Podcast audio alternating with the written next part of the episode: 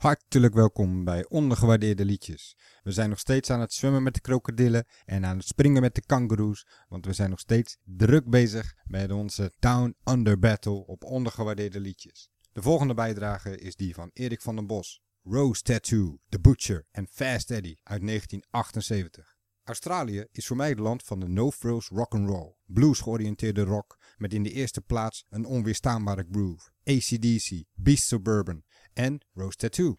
De band had twee uithangborden. Zanger Angry Anderson en slidegitarist Pete Wells. Zij waren het die Rose Tattoo de kenmerkende sound gaven.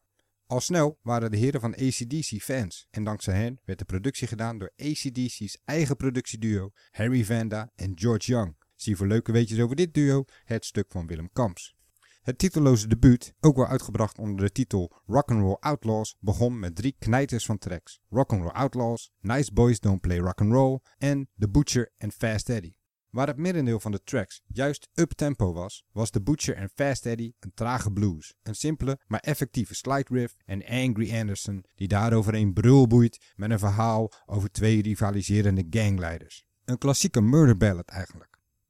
Na het tweede succesvolle album, Assault and Battery, begonnen de scheurtjes in de formatie zichtbaar te worden en werden daarmee de successen al längst minder. Pete Wells vertrok, Angry Anderson acteerde in Mad Max Beyond the Thunderdome en begon een solo carrière.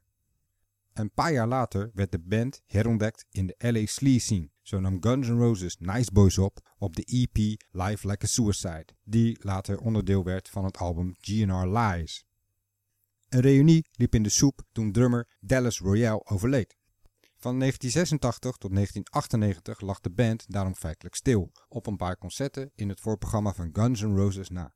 Mede dankzij belangstelling in Europa kwam de band in 1998 weer bijeen, met Anderson en Wells. Het resulteerde in twee nieuwe albums, Pain in 2002 en Blood Brothers in 2008, maar de nieuwe succesperiode bleef uit. Inmiddels is Angry Anderson de laatst overgeblevene van de succesformatie. De meeste hebben het loodje gelegd. Er is in 2012 nog gewerkt aan demo's voor een laatste album, maar of dat nog ooit het levenslicht gaat zien, is de vraag. Gelukkig hebben we dat debuut nog.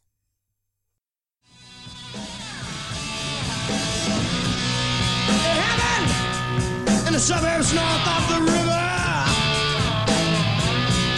That's where the smokestacks rent the air.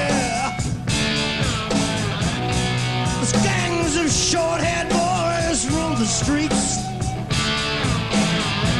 Get out of their way, man, 'cause they have to take their share. Yeah, Butcher, he was a leader. He had a reputation for being tough but fair.